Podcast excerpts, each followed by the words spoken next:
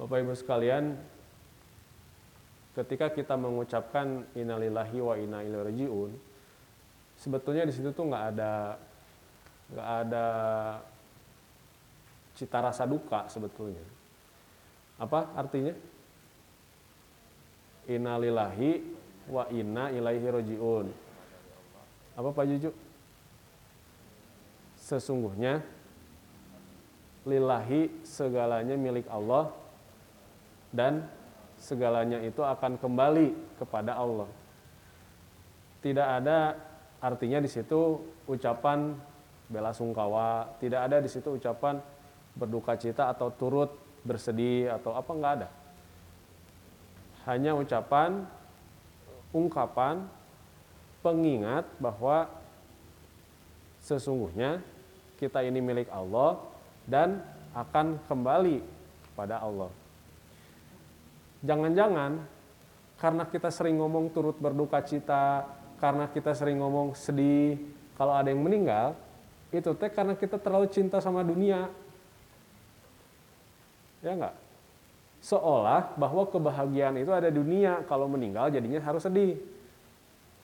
Maka saya pernah ceritakan ada PHH Mustafa, penghulu Haji Hasan Mustafa yang namanya jadi Jalan Suci, kan nama resminya Jalan Suci teh PHH Mustafa. Beliau ketika anaknya meninggal itu malah dihajatkan gitu, nggak nggak paham saya juga dan nggak norma, nggak apa, nggak nggak sesuai pada um, keumuman gitu. Tapi itulah yang beliau lakukan. Tapi kalau kita mengambil apa ya istilahnya kembali kepada hakikat dari innalillahi wa inna di situ tidak ada ungkapan kesedihan. Tapi kalau kita sedih sebagai manusia ya wajar, tidak harus kemudian apa uh, jadi uh, didinginkan gitu pak, tidak tidak jadi salah dan tidak harus jadi wah saya mau tegar nggak nggak nggak gitu juga. Saya juga waktu bibi meninggal, uang meninggal, ibu meninggal ya sangat sedih, sangat merasa ditinggalkan. Tapi yang namanya orang sudah meninggal itu kan finish, Pak. Selesai. Sudah selesai dengan indah gitu. Dan kita sebagai orang yang masih hidup bisa bersangka bahwa bersangka teh bersangka baik bahwa beliau husnul khotimah, beliau di sudah e, selesai tugas dan perannya di dunia, ya sudah. Nah, yang harusnya kita sedih bukan karena merasa ditinggalkan, kita tuh sedih nanti saya gimana ya? Nanti saya didoain banyak orang nggak ya? Saya ini karyanya sudah seperti ibu cinta belum? Saya ini karyanya sudah seperti yang ditinggalkan belum? Ibu Sri itu beliau sedang menempuh pendidikan doktor. Sedang mengajar juga maksudnya luar biasa gitu menopang eh, anak-anaknya. Anaknya ada empat dan semuanya bertumpu kepada Ibu Sri. Sungguh berat gitu ininya apa perjuangannya sampai cari beasiswa terus gitu. Itu karya beliau. Pak Dedi, Pak Deni itu yang saya kenal ya. Artinya ya tadi saya cerita lagi Pak Deni itu eh, apa anaknya juga empat, terus udah semua ada yang menikah, ada lagi yang masih ada yang kecil, terus kemudian beliau juga sangat banyak apa ya maksudnya tekun banget kerjanya gitu sampai dia bisa menyekolahkan semua segala anaknya dan dia meninggal juga. Ibu Cinta yang saya tahu waktu beliau meninggal itu semua e, guru gitu ya dan mungkin juga beberapa dari Bapak Ibu terus juga banyak yang apa nge-share, banyak yang mendoakan, banyak yang memberikan ucapan dan kalau kita melihat apa yang ditinggalkan dari semasa ibu hidup selama 84 tahun, ya ini karyanya gitu. Yayasan karyanya, Bapak Ibu kita bisa bermuamalah di sini. Mendapatkan pekerjaan, mendapatkan penghasilan, ada nafkah ke, ke, ke keluarga, ke anak istri kita, yaitu semua dari wasilah perannya ibu di dunia. Perannya Pak Dudi di dunia. Gitu. Dan ketika beliau sudah meninggal, perannya selesai. Nah, pertanyaannya kalau kita ingin sedih harusnya sedih kita bertanya karya kita di dunia apa ya? Sehingga bisa memberikan banyak manfaat seperti yang sudah ditinggalkan. Ya kalau kita mengambil kepada satu sosok misalnya ibu gitu. Walaupun kita nggak bisa mungkin ya nggak sedih pisan mah ya pasti kita merasa ditinggalkan. Tapi kembali lagi kepada hakikat dari innalillahi wa inna rajiun adalah sesungguhnya kita ini milik Allah dan akan kembali kepada Allah. Sampai ada e, pembicaraan Sujiwo Tejo itu ya dia bilang jangan-jangan akar dari korupsi itu karena kita suka bela sungkawa kalau kalau kalau e, mengucapkan kepada kematian. Nah, kok bisa gitu? Ya itu karena seolah dunia itu adalah inti gitu. Seolah dunia itu adalah utama. Seolah kebahagiaan itu hanya ada di dunia. Padahal kan enggak. Kita ini meninggalkan berangkat. Walaupun kalau umumnya bilang berpulang ke rahmatullah, saya juga apa nulis ucapan ya berpulang ke rahmatullah. Nanti kalau berangkat ke rahmatullah kan diomongin kan gitu ya. Jadi saya tulis tetap aja berpulang ke rahmatullah. Tapi kalau kita mau bicara intinya, hakikatnya ya berangkat kan kita teh kayak lagi di jalan luar kota nih terus kita capek atau kita harus berhenti untuk mencari untuk mendapatkan perbekalan di rest area misalnya atau di satu tempat di sebuah lembah atau di sebuah titik gitu ya. Nah, itulah dunia. Kita lagi nyari bekal nih. Dengan apa? Dengan kita punya peran apa di dunia?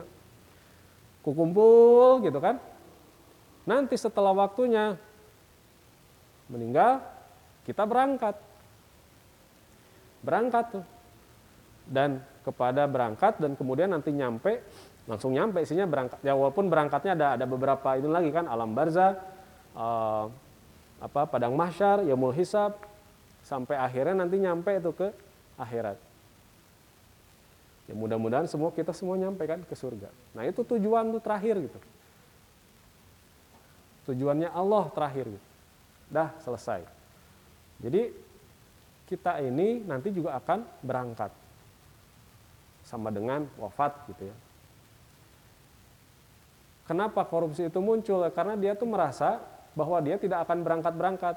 Sudah bahwa dunia teh selesai di sini Kenapa ada yang dana bansos masih kena dikorupsinya?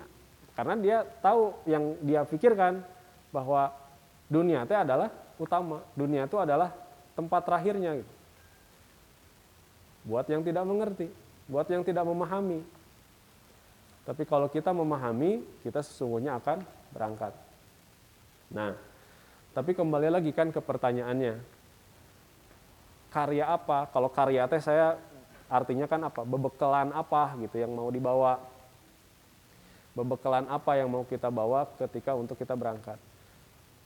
Dan kita juga harus hati-hati Bapak Ibu ketika kita terlalu bersedih atau terlalu emosional ketika kita merasa ditinggalkan gitu. Jangan sampai kita ngomong innalillahi wa inna rajiun dan mendoakan tapi nggak rela gitu. Nggak rela teh dengan oh, sampaikan misalnya ada, ada yang bicara sampai yang ekstrim-ekstrim gitu. Padahal jangan dia saya aja yang diambil gitu kan? Suka ada yang begitu ya. Bukan dari kita tentu saja. Tapi kalau sampai sebegitunya maka dia itu sudah mengingkari iman kepada koda dan kodar ya kan? Itu yang terakhir tuh di rukun iman. Paling terakhir tapi menurut saya itu yang paling sulit untuk dilaksanakan. Iman kepada kodo dan kodar Kenapa kok bisa itu yang jadi paling sulit? Iman kepada kodo dan kodar. Kodo itu apa? Kodo itu sesuatu yang sudah ditetapkan oleh Allah. Ada, ada juga yang belum ditetapkan oleh Allah, tapi intinya itu belum terjadi. kodo itu misalnya juga jodoh, kematian, eh, rizki, itu ada dalam kodo gitu. Terus kemudian apa peran kita, mau jadi apa, bagaimana nanti kita ingin uh, punya tugas dalam hidup itu apa, itu semua kodok ketika itu belum terjadi. Nah tugas kita memastikan kodarnya itu yang mana. Ketika sudah terjadi ketetapan, itulah kodar. Detik yang lalu itu kodarullah. Menit yang lalu itu kodarullah. hari yang lalu itu kodarullah. Tahun yang lalu itu kodarullah. Kodarnya Allah. Kan sering ada yang bicara ya, kodarullah bla bla bla bla bla bla, kodarullah bla bla bla. Maka itu kan sudah lalu gitu. Nah, itu kodarnya. Kita nggak akan pernah tahu kodonya itu apa, kodonya yang Allah berikan itu.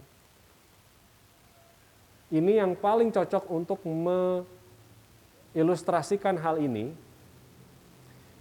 Bayangkan saya atau kita semua lagi nyetir motor.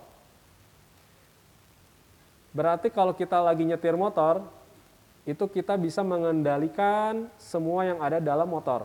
Mau kita ngegas, mau kita ngerem, mau kita nikung kiri, mau kita nikung kanan, mau ke mana, kumaha orang. Terus ada dimensi yang kedua, adalah dimensi ketika kita dibonceng.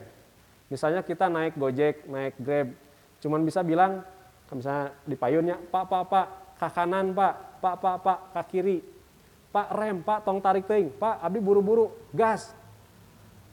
Itu dimensi yang kedua. Dimensi yang ketiga adalah kita melihat orang lain lagi pakai motor yang lain yang kita nggak bisa apa-apakan dia. Itu yang dimensi yang ketiga tuh. Kita cuma bisa kagum dengan oh dia pakai Harley ya, oh motornya motor sport ya, oh dia bawanya tarik ya, oh cara ngagasnya gitunya, cuman bisa gitu, cuman bisa oh bagus ya, oh seneng aja gitu. Maka kalau kita lagi nyetir, ngelihat terus dimensi yang ketiga, nabrak juga di depan. Meninggalkan ya terus. Tahu-tahu di depan ada mobil misalnya, atau jedek. Maka kalau kita punya energi, energi itu yang kita sebut dengan 24 jam kita hidup, semua sama modalnya Pak, 24 jam. Semuanya punya modal yang sama, hanya 24 jam. Mau Presiden Amerika, mau Jokowi, mau menteri-menteri, sampai kita semua ini cuma punya modal 24 jam. Dari kita bangun sampai kemudian kita ke tidur lagi, mati sementara itu, sampai nanti kita bangun lagi, kalau diizinkan bangun lagi, itu modal kita udah. Nah, bagaimana kita memanfaatkan modal itu, jangan sampai energi itu habis pada dimensi yang ketiga. Ngeliatin aja yang lain terus. Atau me, tadi apa meratapi aja terus kalau yang orang yang ketiga dimensi yang ketiga itu ada yang meninggal ada keluarga yang gimana sedangkan kita lupa mana yang kita bisa kendalikan ini yang saya selalu bilang kan ada variabel yang kita bisa kendalikan ada variabel yang tidak bisa kita kendalikan ada yang setengah-setengah tuh yang kalau kita dibonceng misalnya kita sama anak gitu ya. Kita minta anak hayu sholat hayu sholat hayu sholat. Masalahnya anak masih kene merek kedowong atau nggak masih kene belum mau atau kene masih males-malesan kita punya pilihan lagi tuh setengah lagi pengendalian kan. Mau kita uh, kasih konsekuensi atau mau kita gimana atau mau kita biarkan gitu. tapi ya kembali lagi kendalinya itu ada di kita tapi kalau kita udah ngelihat tetangga nah hanya tetangga mau gitu nah hanya tetangga mau gini itu udah dimensi yang berbeda yang kalau kita fokuskan ada energi di situ, kita akan sangat lelah. Kita akan habis 24 jam kita. Dan yang terakhir,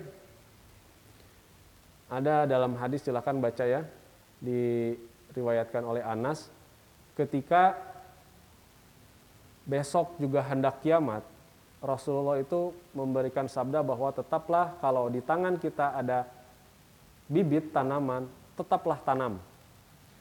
Jika hendak kiamat sekalipun, kalau di tangan kita ada bibit, tanamlah bibit itu. Artinya apa? Ya, ini kan tidak hanya letter luck bicara harus menanam gitu ya. Walaupun itu juga ada sebuah pesan bahwa kita harus menjaga alam, menjaga lingkungan. Tapi di situ juga ada pesan bahwa tetaplah jaga kebermanfaatan kita, kita ini perannya apa gitu. Bermanfaat buat orang lain nggak sampai detik terakhir gitu. Sampai hembusan nafas terakhir itu teh masih bermanfaat nggak kita teh gitu. Gitu pesan Nabi. Jika besok hendaknya atau bahkan saat ini hendak kiamat sekalipun, ketika kita di tangan kita ada bibit tanaman, tanamlah gitu. bibit kurma, tanamlah gitu. Buat saya itu adalah perumpamaan yang paling inti bahwa tugas kita, peran kita menjadi rahmatan lil alamin itu adalah bermaslahat, bermanfaat buat orang lain. Entah kita dalam pekerjaan, entah kita di pertetanggaan, entah kita di keluarga, entah kita sebagai ayah, sebagai suami, sebagai istri, sebagai ibu. Tajamkan peran kita. Pastikan peran kita memang punya manfaat. Seminimal-minimalnya orang tua itu punya peran yang harus dia punya peran terbaik buat anaknya. Gitu ya, Bapak Ibu sekalian. Saya senang sekali bisa silaturahim dan ikhtiar terus harus kita jalankan. Tadi ya, buat saya nih, besok kiamat tetap nanam juga ini banyak hal. Satu, kenapa saya juga serius gitu ya ngejadwalin sebisa mungkin saya pasti olahraga, naon. Masalah besok tetap sakit, masalah besok tetap meninggal mah ya urusan lain. Tapi kan kita niat olahraga teh karena kita menjaga amanah gitu kita punya badan, kita berikhtiar untuk sehat, ya udah. Besok hari Senin kita vaksin, ya udah. Itu juga bagian dari ikhtiar kita. Bagian dari e, ibadah. Jangan sampai nanti kita nggak, wah, yang kayak orang bakal divaksin, pasti bakal kebal di corona. Itu sudah, jangan sampai kayak gitu. Semua yang menyembuhkan itu Allah, yang menyakitkan juga Allah, mau sakit atau sehat itu sama-sama ujian, kita tinggal maksimalkan ikhtiarnya. Pangintan itu saja dari saya. Pilih bareng ngobrol pangintan atau mangga abdi uhikeun deui ka Pak Isur. Assalamualaikum warahmatullahi wabarakatuh.